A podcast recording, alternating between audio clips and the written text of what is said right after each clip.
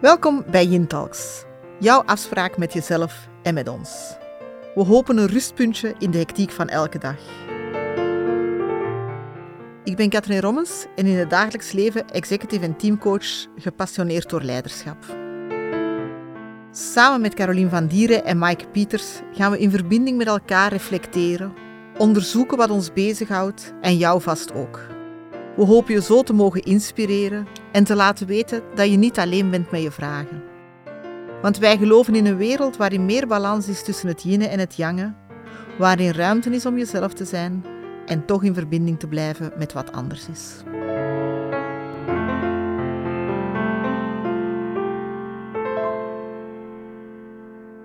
Welkom op de tweede aflevering van ons eerste seizoen van Yin Talks.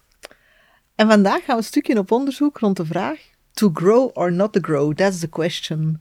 Ik denk als ik even zo zou optellen wat wij met drie al aan uurtjes in persoonlijke groei en ontwikkeling hebben gestoken, dat we vast aan een redelijk indrukwekkend aantal uren komen. Ja.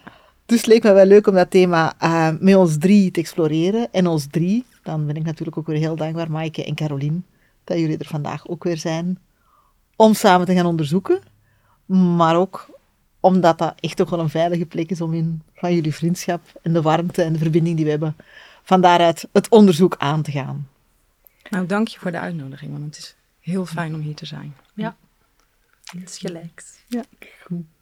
En we beginnen met een check-in vraag. En die is ook deze keer niet hoe is het? Maar als we het hebben over groei en ontwikkeling, is vaak wie we als kind zijn en wat we dan tonen al belangrijk. Dus misschien is wel een leuke vraag om te stellen als je terugdenkt als meisje van een jaar of zes, zeven.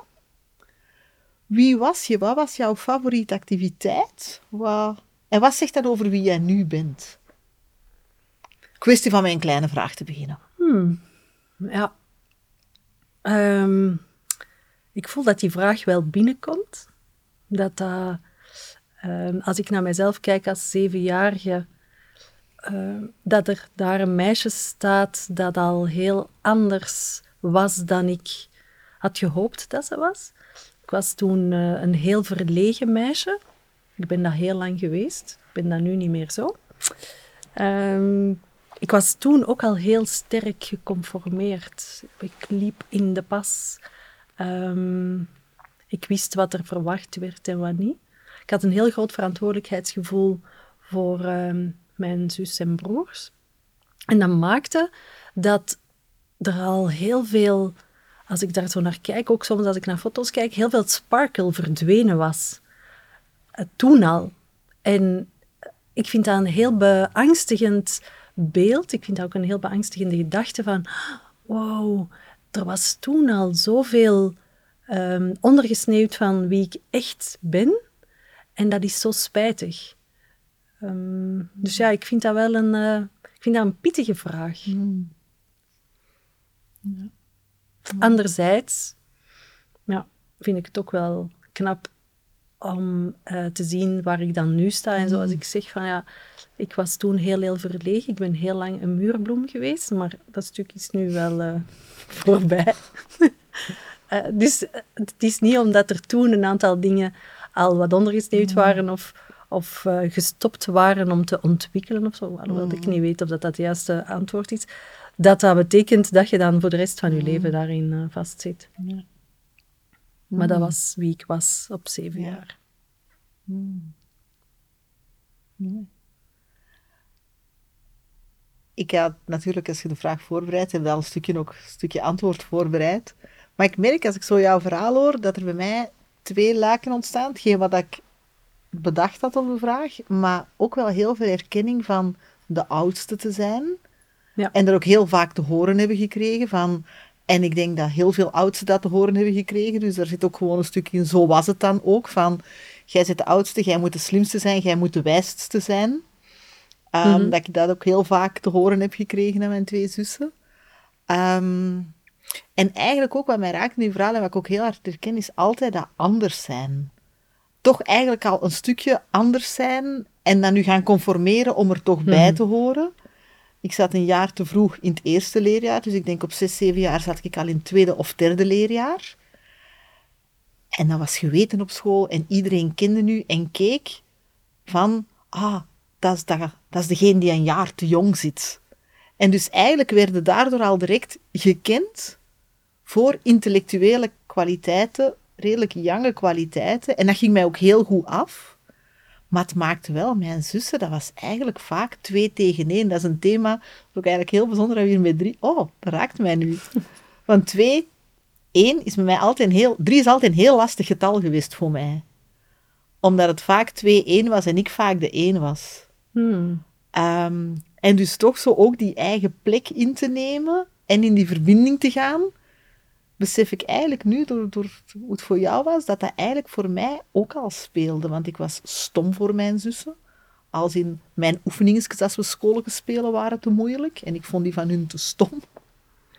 En ik denk dat ik dat eigenlijk wel een stukje heb opgevangen of weg van gevlucht ben, door altijd met mijn neus in de boeken te zitten. Dat is vast niet veranderd. Maar dat was ook het mooiste wat je mij als cadeau kon geven. De wereld in vraag en antwoord, 365 dingen om te weten. Dat soort dingen. Dat, dat, ja. Dus ik ben eigenlijk heel jong al heel veel in dat hoofd van alles gaan opslagen. En op zich ben ik daar wel blij om. Dat maakt dat ik nu van heel veel iets weet en van niks alles. En dat is ook oké. Maar, maar misschien was dat eigenlijk ook wel een stukje om in mijn eigen wereldje te duiken. Zonder dat ik dat wist. Mhm. En sowieso is nieuwsgierigheid ook wel een typische kwaliteit van mij. Boekenwinkels zijn heerlijk en drama tegelijkertijd, want ik weet nooit waar ik moet beginnen. Kost je altijd geld. En ik kom nooit meer aan de buiten. En dan zeggen we nog vijf keer tegen elkaar, we gaan alleen maar kijken. Dus niet. Hé, Maaike, zeven jaar. Ja, ik ben eigenlijk heel verbaasd over wat er nu naar boven komt. Want er zit dus zo ongelooflijk veel gelijkenis. En wij zitten hier dan ook weer met z'n drieën bij elkaar. Dus ik denk, hoe kan dit? Ehm, nou, toen ik zeven jaar was, ik ben ook de oudste. Dus ik had ook een broertje en een zusje onder mij... waar ik me super verantwoordelijk voor voelde. Ehm, en ik was een mega grijze muis en ik had een brilletje. En ik was echt super, super gemiddeld. En het liefst dook ik weg. En ik keek een beetje uit het raam. Stond ook altijd in het rapport. Ja, gewoon niks bijzonders. Ehm, en eigenlijk heb ik ook gezien op foto's van vroeger, net als wat jij zegt, dat er een bepaalde sprankeling al heel vroeg weg was. Ehm, maar ik weet wel dat toen ik nog veel jonger was, zat er een heel ondernemend en avontuurlijk kind. En zo ondernemend dat ik mocht dan niet weg uit de tuin. En wat deed ik dan? Dan ging ik een gat graven, zodat ik toch onder de schutting door naar buiten kon. Dus die, zeg maar, die, dus dat avontuur, dat zit er wel- wel in om gewoon weg uit dit kleine postzegeltje eh, de wijde wereld in. Gaan ontdekken, wat is daar nou nog meer? Ehm, en ik ben dat gaan doen door boeken te lezen. Dus ik zat iedere woensdagmiddag in de bibliobus die bij ons op het dorp kwam. En eh daar ging ik gewoon een uur zitten boeken lezen. Noem maar op. Dus dat was voor mij ook mijn veilige wereld waarin ik even kon, ver- ja, ja, in kon opgaan. En dat doe ik nog steeds, lezen. En Ja. ja, veel lezen.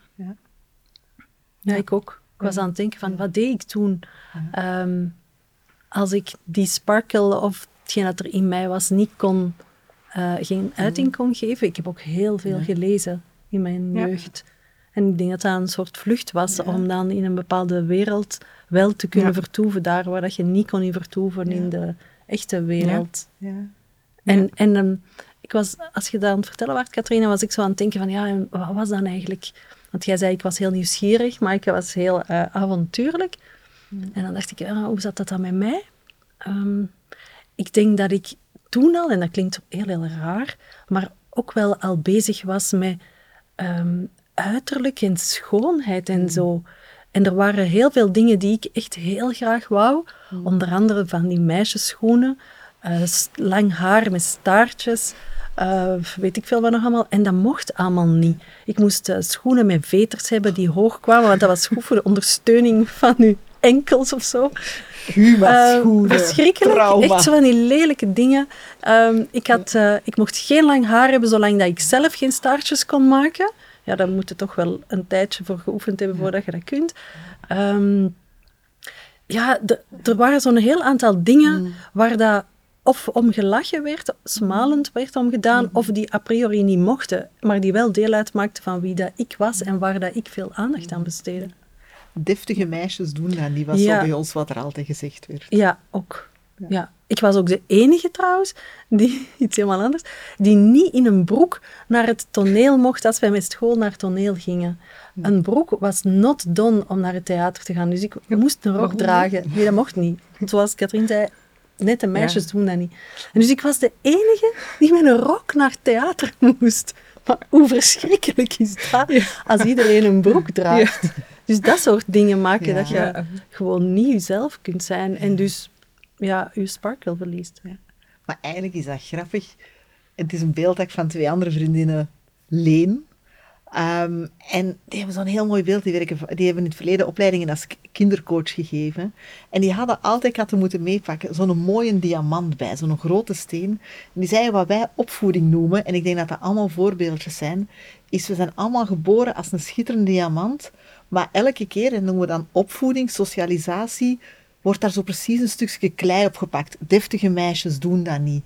En elke keer voelde dat je moet confirmeren. En ergens, ik zeg dat ook niet in een verwijt, want ik merk ook, ja, zo doen wij dat. We hebben een aantal afspraakjes wel nodig en een aantal manieren om samen te leven. Maar wat je merkt is, een van mijn grote dingen was, ik zat in het kinderkoor op die leeftijd. En ik werd vriendelijk verzocht het eerste jaar om te playbacken. Dus wat leerde eigenlijk al heel jong? Oké, ik snap het ook wel, maar wat leerde al heel jong? Ja, dat je je stem niet mocht laten horen. En dat je niet enthousiast mocht meezingen, omdat je dat gewoon leuk vond, die verbinding. Dat mocht niet. Nu, het gelukkige was, de kindjes van het koor mochten ook lezen. Dus ik mocht wel altijd ofwel het communiegebed ofwel de eerste lezing doen.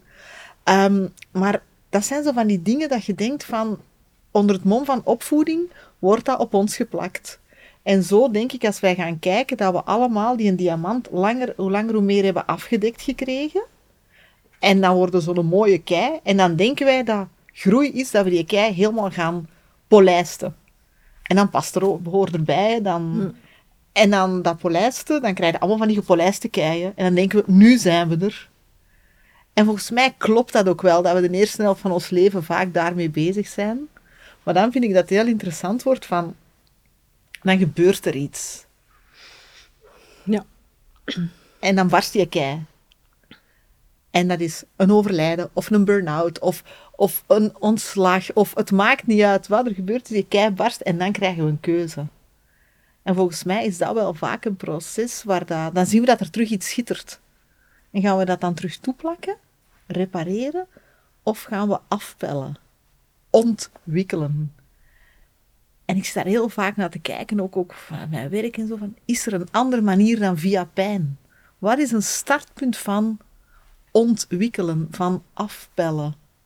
Ik weet niet hoe, hoe dat voor jullie is. Is er een andere plek dan er gebeurt iets, waardoor dat we terug herinnerd worden aan die een diamant die we waren, of die steen? Voor mij, ik denk dat dat alleen maar via pijn kan. Ja. Ja. Ja. Nou ja, het, het mooiste is natuurlijk als er een verlangen wordt wakker gemaakt, waardoor je in beweging komt. Maar wij zijn gewoon een beetje een hardnekkig type. eh, zeg maar onze, de, gewoon de mensheid, hè, ons Ja. soort. Eh, wij komen pa- vaak pas in beweging Ja. als we pijn hebben. Ja, Ja. ja dat is zot, hè? Ja? Ja. Maar En- dan gebeurt het wel, hè? Ja. Ja, of niet. Ja. of niet. of Dat is waar. ja. Of niet. Je hebt altijd nog weer de Ja. keuze om het dan Ja. weer toe te dekken. Ja. Of om dan toch inderdaad Ja. door te pakken. Mhm. Ja. Ja. En dan vraag ik mij af van, is dat voor jullie helder? Ah, ik, kan, ik kan aan veel momenten denken dat ik daarvoor gekozen heb om, om lagen te gaan afpellen. En dat dat ook een never-ending story is, dat ik daar nog middenin zit. Hebben jullie voor jezelf een moment of momenten waar je denkt, dat was echt wel een moment dat ik dacht van, ja, Nou, ik weet niet of het bij mij echt een moment is geweest. Maar ehm, als ik kijk gewoon naar mijn hele eh, eh, geschiedenis, zeg maar, waar ik uitkom. Het gezin waar ik in ben opgegroeid. eh, was een heel traditioneel en streng christelijk milieu waar ik uitkom. Ehm, en ik, nou ja, ik denk eigenlijk wel dat ik ergens een keerpunt heb gehad. Want eh, binnen de gemeenschap waar ik uitkwam, zeg maar, met mijn ouders, dan mocht je in ieder geval geen seks hebben voor het huwelijk. Dus wat wij, ik moest, dus en ik ging trouwen. En toen dacht ik, ik was aan het studeren, oké, als ik nu nog iets van mijn leven wil maken, dan moet ik nu op kamers gaan, op kot, zeggen jullie. En heb ik in, dat had ik toen, heb ik bedacht, besloten en uitgevoerd in een week tijd. Dus ik ben gewoon naar huis gegaan met zijn mededeling van, nou, ik heb een kamer gevonden, doei. maar dat is wel het keerpunt geweest voor mij, waarin, want ik dacht van, ik heb nog een jaar dat ik even gewoon normaal kan leven. Mm. Ehm, maar goed, die relatie die ging natuurlijk over, ja, halleluja. Uh, maar daardoor kon ik wel, zeg maar, andere delen van wie ik ben mm. gaan ontdekken. Nou, en dat heeft jaren geduurd, maar uh, dat, dat is wel een belangrijk keerpunt geweest. Mm. Ja. Ja. Ja. En ik merk wel dat uh, doordat ik uit zo'n christelijk gezin kom, heb ik altijd een soort van godsbesef gehad. Dus ik wist altijd, er is meer tussen hemel en aarde. Maar wat is dat dan precies? En als het dan niet die God met die lange baard op zo'n wolk is en wat in die Bijbel iedere keer staat. Um, maar ik voel wel dat er wel iets is. Weet je wel, hoe, dus hoe kan ik dat dan uh, integreren in mijn leven? Of wat is dat dan precies? Nou, dat, dat is de zoektocht geweest. Mm. En dan kom je vanzelf op ja. ja, diepere Dus ik kwam heel erg bij een identiteitsstuk ook uit. Wie ben ik eigenlijk? Want ik had geen idee. Want ik was een heel lief, aangepast meisje. Dus ja. Ja, ja dat vooral. Dat van aangepast meisje naar de persoon gaan die je echt zij. En dat durven, hm. dat durven ook. Ja. Ja. Ehm, ja. En ik denk dat je, om daar te geraken, um, ja, toch ook wel zo'n duwtje moet krijgen, zoals dat jij zei. Van, Ik heb dan, ik zag in van ja, dit is now or never, dus laten we het dan mhm. nu maar doen. Ehm, ik ben op een bepaald moment ontslagen geweest en ik had het gevoel, ik, dat voelde heel erg als verraad. En ik had het gevoel van, wacht, ik heb mij hier jaren gegeven mhm. en, en dit of wat. En de manier waarop, dat was exact wat er nodig was. Um, zoals, zoals altijd. Maar dus dat betekent wel dat dat, je, dat ik dat nodig had om dan mm. te gaan kijken van, wacht, in al die jaren die ik mij zo gezegd gegeven heb, was, was dat echt mezelf, mezelf geven of was dat het aangepaste meisje geven? Ja, en dan ontdek je dat dat helemaal niet mezelf was. En dan nog eens, ik voelde mij dan daardoor nog eens verraden door mezelf. Mm. En dan start de zoektocht van, ja, wat dan wel? Ja. Ik vind dat thema van verraden aan mezelf ik zit daar zo echt zelf nu nog altijd ook mee te onderzoeken van... In de jaren dat ik dan ontrouw was aan wie ik in essentie ben, mhm. is dat echt waar? En het is een vraag, het is geen... Ik weet het niet, het is onderzoeken. Of is dat gewoon de weg die mij meer en meer naar mezelf brengt? Want ik ben hoe langer hoe meer ook wel heel groot uh, overtuigd aan het geraken van het leven moet nu eenmaal geleefd worden. En wij hebben wel de neiging om van alles zin te geven. Dat, je zei juist van, mhm. dat moest zo gebeuren. Of is het juist van, dat gebeurt en ik doe daar iets mee of niet? Moest dat zo zijn? Is dat volgens een plan? Of had het ook anders kunnen lopen? Dat vind ik zo nog wel een interessante vraag van... Het is zo gelopen en is dat dan, mag dat dan alleen maar oké zijn of moet dat ook nog betekenis krijgen? Moeten we ah. daar ook nog maar ik denk... zin aan geven of zoiets? Want dat doen wij heel fel in het Westen. Hè. Wij moeten, alles moet een reden hebben, alles moet zinvol zijn, alles moet ergens toe dienen. En als we eigenlijk weer, zelfs in persoonlijke ontwikkeling, in dat heel jangen, hè, het moet een doel hebben. Of mag het ook gewoon soms shit geweest zijn? Maar het een sluit het andere niet uit. Hmm. Het is shit, maar daarnaast heeft het u ook wel iets gebracht. En het is helemaal oké, vind ik, om te zeggen, ja, dat was toen echt niet fijn. En ik hou daar nog altijd wel negatieve emoties aan over. Dat is mm helemaal oké. maar wat heb ik er dan wel mee gedaan? En ik geloof best dat, ehm, of dat dat dan situatie X is of Y, als het niet X of Y is, dan zal er wel iets anders je pad kruisen. Dat maakt dat je de kans krijgt om ehm, die wel bepaalde keuze te mhm. maken. Ja. Dat geloof ik wel. En die resoneert wel bij mij, want ik merk dat ik hoe langer hoe meer weerstand heb tegen alles gebeurt om een reden. ik denk van, en soms gewoon ook echt niet. Maar wat wel resoneert is van, het is gebeurd, Ik heb het te omarmen, ik heb ervoor te buigen. En wat kies ik nu om ermee te doen? Mhm. Ja. Maar dat is voor mij een klein nuanceverschil. En ik heb heel lang gezeten ja, alles heeft een reden. En het was perfect zoals het was. Weet je, sommige dingen in mijn leven, hè, ging nog altijd niet perfect. Nog altijd geen enkele reden waarom mijn zusje zo jong gestorven is. Ik heb daar niks van kunnen Mhm. maken als dat had een doel. Hm. En ik kan wel zien, door de keuzes die ik gemaakt heb, op dat moment, Mhm. is mijn leven zoals het nu is. Maar ik, ik merk dat dat nu voor mij voor de eerste keer die nuance ontstaat van het heeft een doel of de keuze die ik maak vormen mij. Of maken mij tot wie ik nu ben. Ja. Nou, dat is voor mij ergens nuance die nu ontstaat. Ja. En dat vind ik ook wel grappig, want ik zie, allee, ik weet niet hoe jullie dat zien, maar wat ik zo soms zie van wat wij dan groei noemen, ontstaat precies, gaat ook altijd in fase. Ehm, dus er is pijn, even een soort verbijstering, en dan is er een keuze om iets te doen. Maar dan, ik, ik, ga er, ik weet niet of het een patroon is. Wat ik dan voor mezelf zie, is mijn eerste stap was boeken gaan lezen. Gaan begrijpen. Ik wil het snappen. Ja? En daar gaf ik ook altijd heel veel troost aan. Want als het in een boek stond, dat boek ging heus niet over mij. Dus, Mhm. ah, ik ben niet alleen. Andere mensen worstelen hier ook mee. Dus dat gaf mij eigenlijk vanuit pure kennis, maar wel zo'n gevoel van, ah ja, het is oké, het mag er zijn, ik ben niet alleen.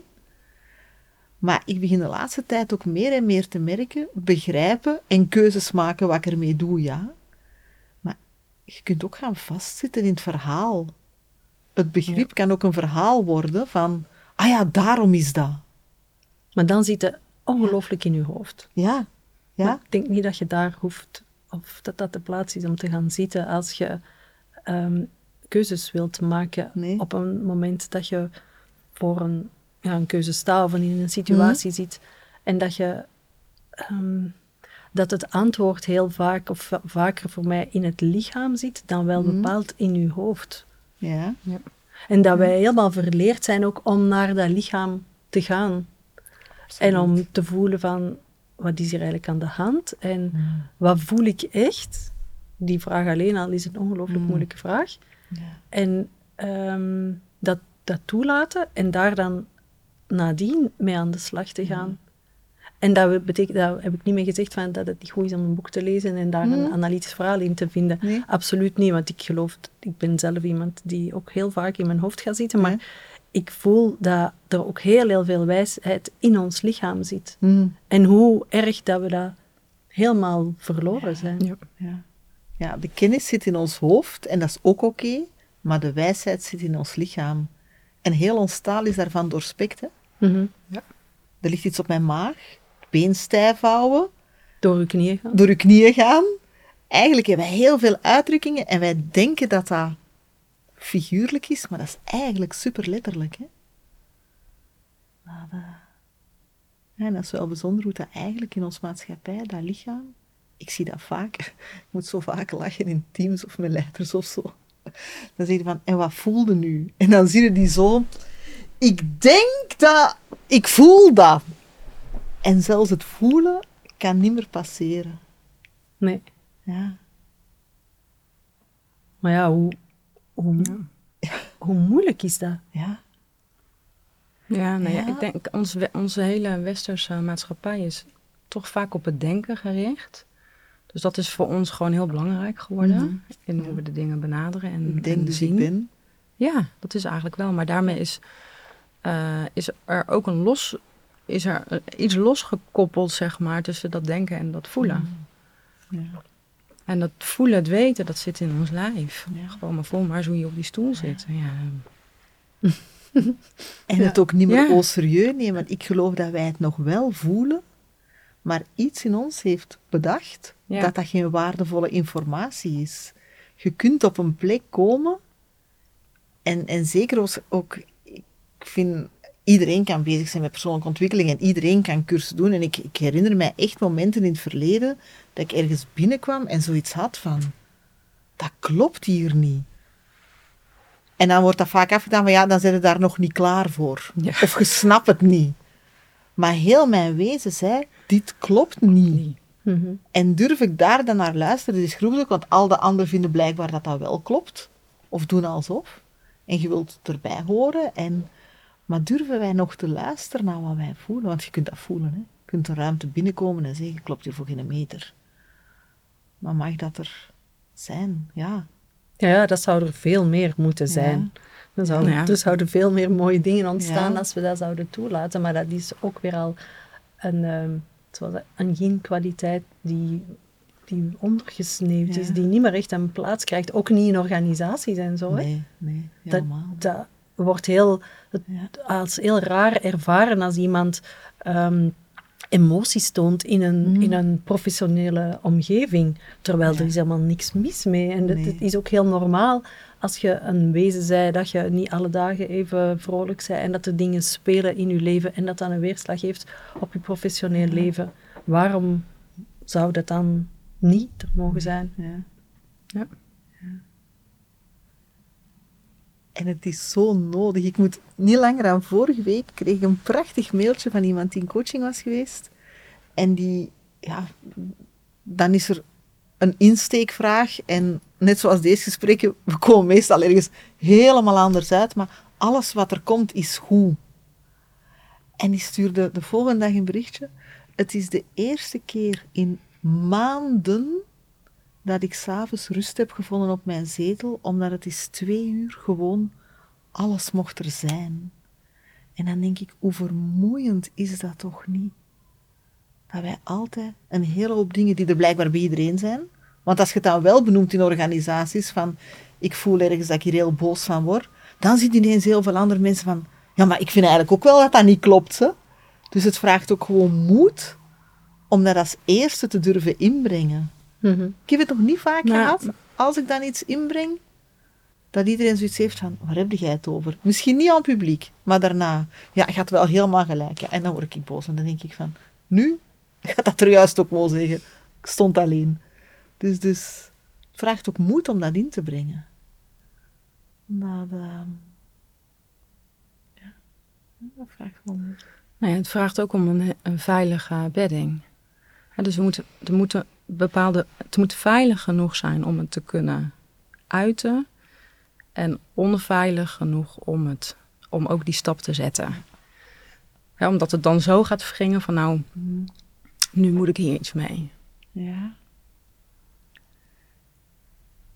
En dat wordt heel vaak, wacht, ik ben de eerste om te zeggen dat het zelfs heel vaak mijn rol is in een organisatie. Ik zit daar dikwijls naar te kijken. Hè.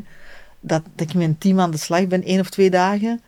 En dat die zei van, "Oh, wauw, dat was bevrijdend. En dan denk ik van, we hebben gewoon een beetje gebabbeld over de dingen die ertoe doen. Dat is altijd grappig in organisaties. Een van de eerste vragen is, waar mogen we het niet over hebben op de tweedaagse? Jullie mij Ja. kunnen weten al, daar gaat het net over gaan. Maar gewoon zo dat het daar dan juist wel eens mag over gaan, dat op zich is heel bevrijdend. En ik zit daar echt naar te kijken. Enerzijds vind ik het belangrijk dat er een veilige bedding is. Maar nu dat je dat zo teruggeeft, denk ik van... En wat is dan een onveilige bedding? Wat is het ergste wat er kan gebeuren als je iets zegt wat je voelt en ervaart? Ja, maar dat, je moet dus wel al een bepaalde eh, basisstevigheid hebben en Ja. een geworteldheid in jezelf Ja. om dat te kunnen uiten. Want dat is hartstikke spannend. Ja. Eh, dus je krijgt daardoor reacties terug van, van jouw team of van je collega's. Ja. Ehm, en dat moet je kunnen dragen. Ja. En dat was zo mooi. Vorige week in een opleiding ging het over je plek innemen. En je lidmaatschap in een team verwerven. Maar ook de eenzaamheid van je plek in te nemen. En dat is die geworteldheid, denk ik, waar jij naar verwijst. Van om je plek in te nemen, te durven te gaan staan voor wie je bent. Met het risico dat anderen op een andere plek gaan staan. Of afgewezen te worden. Hè? Ja, op een Ja. andere plek Mhm. afgewezen te worden. Maar dat is dan hè. interessant. Of als je op je eigen plek staat en andere mensen verbinden zich dan niet meer met u, Voelde u dan afgewezen of niet? voel je afgewezen of niet, En wat is dan de prijs die je wilt betalen? Hè? We hebben het alle, twee, alle drie in ons voorbeelden gezegd van ja, ik was niet mezelf als kind. Ik, ik was een stukje sprankel kwijt. En is dat dan de prijs die we willen betalen om erbij te horen? Of, of Ja, soms is het is gewoon heel veilig om erbij te horen. Of denkt dat het veilig ja, is. ja. En dus past u aan. Mhm. Terwijl ehm, de, eh, wat Mike zegt, van ja, ehm, het is ook helemaal oké om je wat minder veilig te Mhm. voelen. En dus als je wat verder van de groep staat, ik kan het wel wat onveilig aanvoelen. Mhm. Maar Ja. hoeveel basis heb je in jezelf om dan te zeggen, Ja. ja, fijn, en toch Ja. is dit wie ik ben en ik blijf hier gewoon staan en dan mag iedereen anders denken. Ja, Ook goed. ja. En tegelijkertijd is het ook mooi als je je plek inneemt. Dan staat ook niet op de plek van iemand anders. Neemt ook de ruimte van iemand anders niet in. En dan is het ook echt van... ja. Nu, de paradox die we gingen onderzoeken, to grow or not to grow, that's the question. Als we terugkijken naar ons eigen pad, wat zijn grow-momenten die echt betekenisvol voor je geweest zijn? Die bij wijze van spreken zou zeggen, die gun ik iedereen. Dat zou ik nu echt iedereen gunnen om zo'n ervaring te hebben of zo'n moment. Ah, Dat is, wel een beetje- dat is nogal raar. Want we hebben juist gezegd van ja, dat gaat meestal via Ja, pijn. Het is meestal En pijn. Ja. Welk, welk pijnmoment gun ik iemand om te Ehm, kunnen groeien? Ja, eigenlijk gun ik... Dat is misschien heel kort door de bocht, maar eigenlijk gun ik iedereen zijn eigen pijn te durven doorleven en te voelen. En ik had ooit een collega, en die kon dat zo zeggen in het begin, had ik gezegd, van, wat zegde jij nu? Als iemand zijn problemen niet aanpakte, zei hij, dan wens ik u van harte toe dat uw probleem de volgende weken heel groot gaat worden. En ik had in het begin zoiets dat ik zei van, wat zegde jij nu? Hij zegt, het is nog niet groot genoeg om er iets aan te doen. Mm. En dus, dus in die zin wens ik iedereen wel de moed toe om naar zijn pijn te kijken, in plaats van hem te verdoven, en ermee aan de slag te gaan. Maar misschien kunnen we het dan wat positiever maken en zeggen van, wat zijn dan dingen die ons geholpen hebben, of momenten die met onze pijn om te gaan? Wat is zo'n ding van, dat was echt een moment dat ik merkte van, ik weet bijvoorbeeld, en ik denk dat jij er al naar verwees, Maaike, toen ik begon met mijn lichaam meer te werken. En meer uit dat hoofd te gaan en de verhalen te herkauwen en bodywork ging doen. En dan voelen van, ineens komt er iets vrij en ik weet niet wat het is. Dus ik weet dat dat voor mij wel een heel belangrijk ding is. En ik denk heel in het bijzonder aan een module, vier dagen rond aarde werken. Het element aarde. En dan dat lijf kunnen terugvoelen, maar ook die aarde kunnen voelen waar dat je gedragen werd. En dan, ik kwam toen bij iets heel natuurlijk terug uit. Ik weet nog, dat was een tweede of een derde dag. En er waren ook een paar mensen die ik kende. En we zeiden, zullen we iets gaan eten? En ik had toen zoiets, ik zat zo in die natuur. Ik eet niet per se heel veel vlees, maar ik wou toen een biefstuk. En hadden ze mij rauw gegeven, had ik het helemaal gedaan. Zo echt dat, Oer. dat oer, ja, terug door dat contact te maken met die aarde in mij. En dat is zo wel een moment dat ik mij herinner dat ik heel veel gevoeld heb van ook mijn bodem. Ik geloof ook dat dat eh, voor vrouwen een heel belangrijke energie is. Onze, Uw bekken. ons bekken, onze bodem als basis en dat contact met de aarde. Ik zit sindsdien ook veel meer op de grond. Mm. Lekker, ja. Dat ik echt... eh, Dus zo... Wel, bodywork aarde denk ik nog altijd van... Dat was zo'n moment van mijn lijf te voelen. Ik heb ehm, jaren, als het gaat dan over uw lijf, want het is goed om uw lijf te voelen, maar op het moment dat je je lijf echt begint te voelen, dan gebeuren er ook vaak dingen. Door het feit dat, eh, ehm, of ik ben overtuigd dat emoties zich vastzetten in je lichaam. En dus ehm, als je daar niks mee doet, dan zit dat vast en dan kan dat tot allerlei klachten leiden. En dus al op het moment dat je naar je lichaam echt gaat luisteren, zou, kan het ook wel best zijn dat je heel, heel veel pijnen begint te ervaren. En zo loop ik bijvoorbeeld al 35 jaar rond met rugpijn en ik, had, ik wist niet wat dat was, niemand wist dat en ik had zoiets van, ja, ik leef daarmee. Totdat ik daarachter kwam dat dat, het, dat, dat vastgezette emoties waren.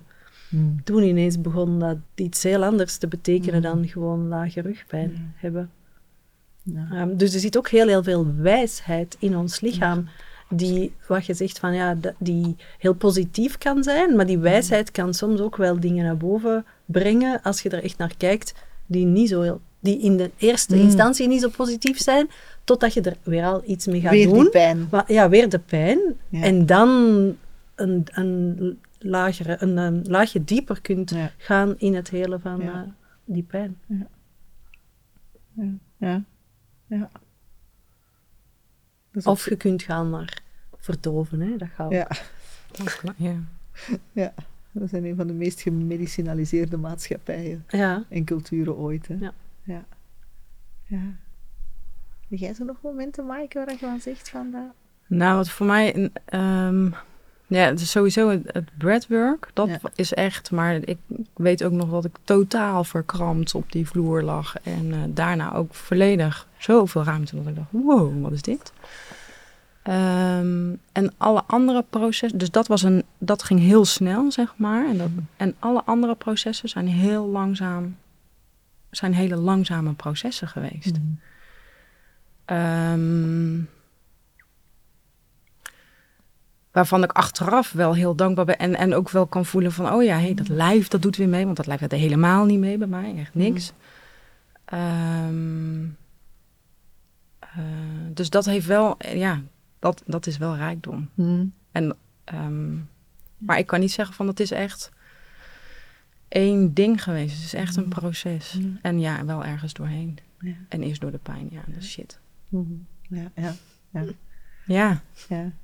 En dan denk ik ook van, oh, we hebben terug weer zoveel te leren van de natuur. Want dieren die in stress komen, wat gaan Ja. die doen als die terug veilig zijn? Die gaan er helemaal geen verhaal over liggen vertellen. Die gaan gewoon liggen trillen en schudden het van zich af. ja klaar. En wij gaan het in ons hoofd vastleggen en allemaal rationaliseren. Terwijl het, het, ja, het in feite zetten we het daarmee vast. En daarmee zetten we Ja. het vast. Ja, dat is ook die verhalen. Op een gegeven moment we hebben ze nodig om ze dan ook weer los te laten. Ja. Dus eh, ik heb zo het gevoel dat we hier nog heel lang over kunnen doorgaan. Ehm, en tegelijkertijd denk ik dat ik misschien een moment is om stil aan af te ronden en te kijken van, als je nu voor jezelf kijkt, waar verlang jij nu op dit moment het meeste naar binnen to grow or not to grow? Hmm. Ehm, Je dacht dat we alleen met moeilijke vragen Nee, begonnen. Hè? We nee, sluiten nee. ook met lastige ja, vragen af. Ja, dat is goed. Dat is een goed begin en een goed einde. Ehm, nee, ik ben iemand die heel graag groeit, ook heel graag de diepte induikt en onder, onder de oppervlakte borstel. Maar af en toe is het, heb ik geleerd dat het ook goed is om ehm, in rust te gaan. En om even niks, of niks is een groot woord, maar wel tijd te nemen om al wat je geleerd hebt, gezien hebt, de inzichten, om dat een beetje te integreren, te verwerken. En dat het dan oké is om tijdelijk niks te doen. En dat daarna zich wel een nieuw iets aandient waar dat je wel terug mee aan de slag kunt.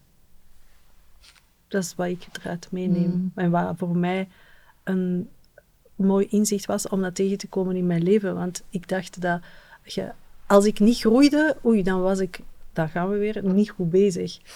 Eh, en dat is ook niet, dat is ook niet de bedoeling. Ja. Dus dat is wat ik ervan Ja. meeneem. Mhm. Ja, vind ik ook wel mooi wat je zegt. Want ehm, wat ik zelf aan, daaraan ervaar ook, ehm, ook in dat, die, juist eigenlijk de momenten van even niks doen en gewoon eh, niet met je persoonlijke ontwikkeling bezig zijn, even niet graven, zijn voor mij ook de momenten geweest dat er heel veel is verschoven en geïntegreerd. Kennelijk ergens in één keer en dan, bang, dan was het er in één keer. En dacht ik, huh, wat is, wat is er nu eigenlijk gebeurd de afgelopen periode? Nou, niet zoveel, maar kennelijk heeft dat misschien dat onbewuste of dat innerlijke zoveel rust gekregen dat het echt op zijn plek kon vallen. Mhm. En dan kan er weer een volgende stap. Maar goed, dan hoeft dat ook niet altijd, maar dan kan er wel weer iets volgens ontstaan. Ja. Ja. Ja. Ik vind dat echt zo frappant. Hoe wij eigenlijk in andere taal eigenlijk heel dicht bij elkaar liggen op die dingen. Want als ik Ja, je hoor, denk ik. Ja. waar zit nu mijn grootste verlangen? Eigenlijk niet meer naar de zoveelste cursus, ook al ben ik er weer een aan het volgen. Ik vind het altijd boeiend en interessant. maar gewoon om te buigen voor wat leven mij brengt en daar vrede mee te hebben. Ik heb altijd heel stoer gezegd: ik ben gelukkig, maar niet tevreden. Want dan kon ik blijven groeien. Dan was het nooit goed genoeg. Maar uiteindelijk gaat dat ook zo'n onrust. En ik denk dat mijn grootste verlangen nu echt zit naar gewoon tevreden te zijn. Vrede met wat er is, al vind ik het niet altijd leuk. Mhm. Maar gewoon, ja, te Maar wij- buigen voor ja. het leven. Ja, we, we hebben natuurlijk een maatschappij waarin er een enorme gerichtheid is op groei. En eh, dan is het wel interessant, want als je dan kijkt naar de psyche, zeg maar, bestaat altijd uit tegenstellingen, uit tegendelen. Dus wat is dan het tegenovergestelde van groei? Wat is dat, wat is dat voor jou? Ja. Ehm, ik denk dat we dan terug op het woord van, van de vorige episode komen. Ontvangen. Ja. Het leven ontvangen. Volgens mij is er geen ene plant of geen één dier bezig met groei. Maar gewoon, op een gegeven moment heb je je juiste formaat. En ga het daar vanuit dat juiste formaat. Want groei impliceert ook altijd meer en beter. Maar ga het Mhm. je juiste formaat, je juiste plek innemen. En ik denk dat dat, is dat overgave, is dat gewoon je plek en, en kijken wat die plek vraagt. Ja, anderzijds is het, is het ook iets cyclisch, hè? want een plant, als hem niet groeit, dan gaat hem dood, hè? Ja. bij manier van spreken. Ja. Of hij is in in rust, Ja, of hij is aan het groeien, of hij gaat dood. ja. En dat brengt mij op nog een heel ander thema dat ik ooit eens graag zou aanraken. Kunnen wij de eindigheid en de dood van de dingen nog aanvaarden als deel van het leven? Maar goed, dat was eigenlijk de aanleiding van heel dit verhaal. Dus daar komen we later vast nog eens een keer op terug. Ja. Ik voor nu, er is één zinnetje dat ik recent gehoord heb met dank aan Ria Verlinde. En die zei van, I'm good enough and not finished. En dat zinnetje heeft mij zo geraakt dat ik denk van, daarmee kan ik tevreden zijn en blijven buigen voor wat leven mij aandient en mee aan de slag gaan. Ik vond het echt super mooi. Dus, Ja, we're good enough but not finished. Deze episode is finished, maar wij nog lang niet. Hm. Dank je. Dankjewel, lieve dames. Dankjewel. Dankjewel om tot het einde bij ons te blijven. Voor de moed die je had om mee te luisteren en je te laten raken. Om je weerstand en misschien verbinding te voelen. Om te willen ontdekken waar jouw leven om draait en daar je unieke plek in in te nemen. Laat gerust een berichtje achter op onze sociale mediakanalen, waarvan je de referentie in de show notes vindt of op de website katrinrommens.be. Deel met ons, maar vooral ook met elkaar, wat er in je leeft. Op onze blogpagina vind je een aantal tips, een artikel, een reflectievraag, zodat je ook verder aan de slag kan. En vergeet niet, you are good enough and not finished.